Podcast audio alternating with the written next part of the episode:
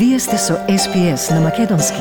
Слушнете повеќе прилози на sps.com.au козацрта на Седонин. На SPS на Македонски, јас сум Ана Коталеска. Застапниците на луѓето со попречености бараат реформи во законите за гласање кои ги дискриминираат овие лица. Луѓето за кои се смета дека имаат, цитат, нездрав ум, не може да се запишат во избирачкиот список или да гласаат на изборите.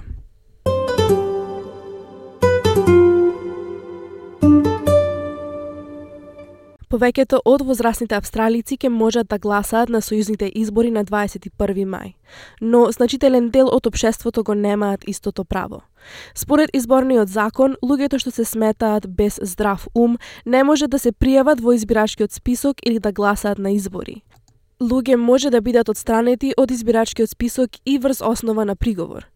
Законот несразмерно влијае врз лицата со попреченост, кои сочинуваат околу една петтина од населението.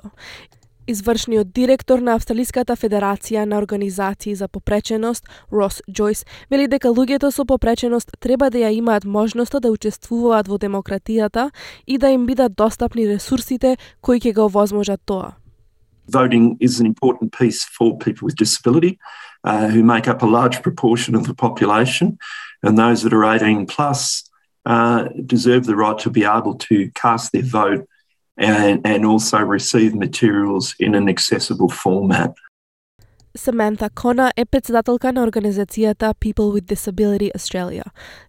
Таа има мускулна дистрофија, користи инвалидска количка за движење и е родител на шест деца, од кои пет се со попреченост.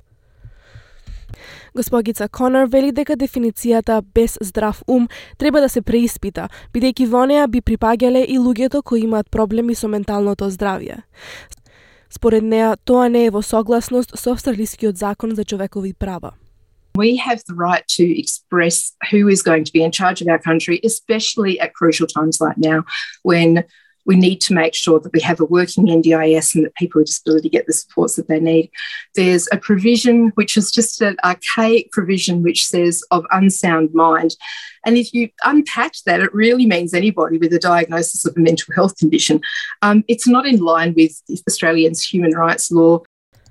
Помеѓу 2008 и 2012 година, повеќе од 28.000 луѓе биле одстранети од избирачкиот список врз основа на одредбата за нездрав ум.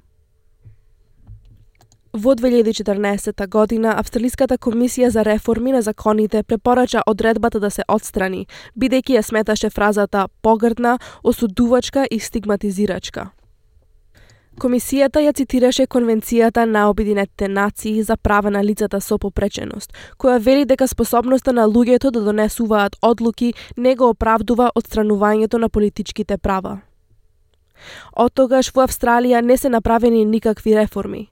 65 организации и експерти подпишаа отворено писмо до премиерот Скот Морисон и опозицијскиот лидер Антони Албанизи во кое повикуваат на реформи. Една од тие организации е Австралиски адвокати за човекови права. Подпредседателката на Организацијата за права на лицата со попреченост, Натали Уейд, вели дека е нејасно зошто владата не успеала да действува на реформите и тоа е доказ дека владата не ги сваќа правата на луѓето со попреченост како сериозен проблем, посебно во однос на нивното учество во демократските одлуки.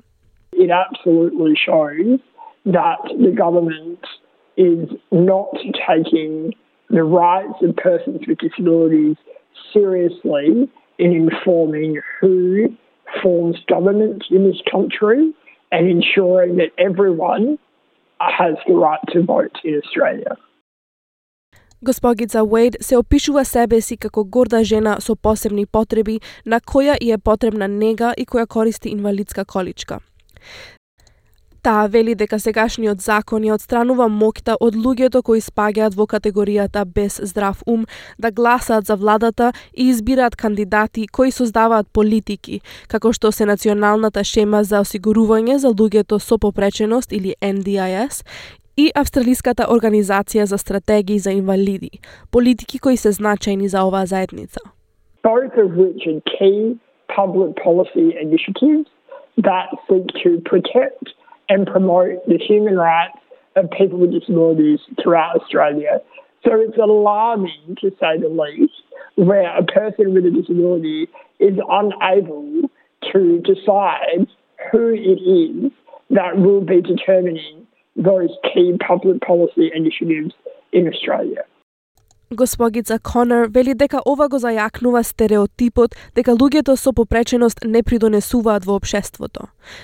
Според неа, луѓето со попреченост сакаат да плаќаат данок, да се вработуваат и да придонесуваат како и сите други, па затоа тие сакаат и да можат да ги изберат нивните политички застапници. We want to be able to pay taxes, get jobs, vote and contribute in the same way. You know, we want to be people who are not just seen as takers and who are not just seen as leaners and who are seen as lifters and who are able to equally participate. And that means that we have the right and the responsibility to be able to choose our leadership in the same way that other Australians do. Господин Джойс вели дека Австралиската изборна комисија вовела некои промени за поинклузивно гласање, на пример, подостапни информации за правата на гласање, како да се гласа и како да се учествува во демократскиот процес. We obviously have been working strongly with the AEC over a number of years, and quite a number of the AFDO member organisations have been working strongly with the AAC to ensure that we improve the accessibility and ensure that we um, make more accessible information about their voting rights and about how to cast valid votes and participate in the democratic process. Но госпогица Уейд вели дека луѓето со попреченост имаат различни животни искуства и промените треба да се еднакви за сите.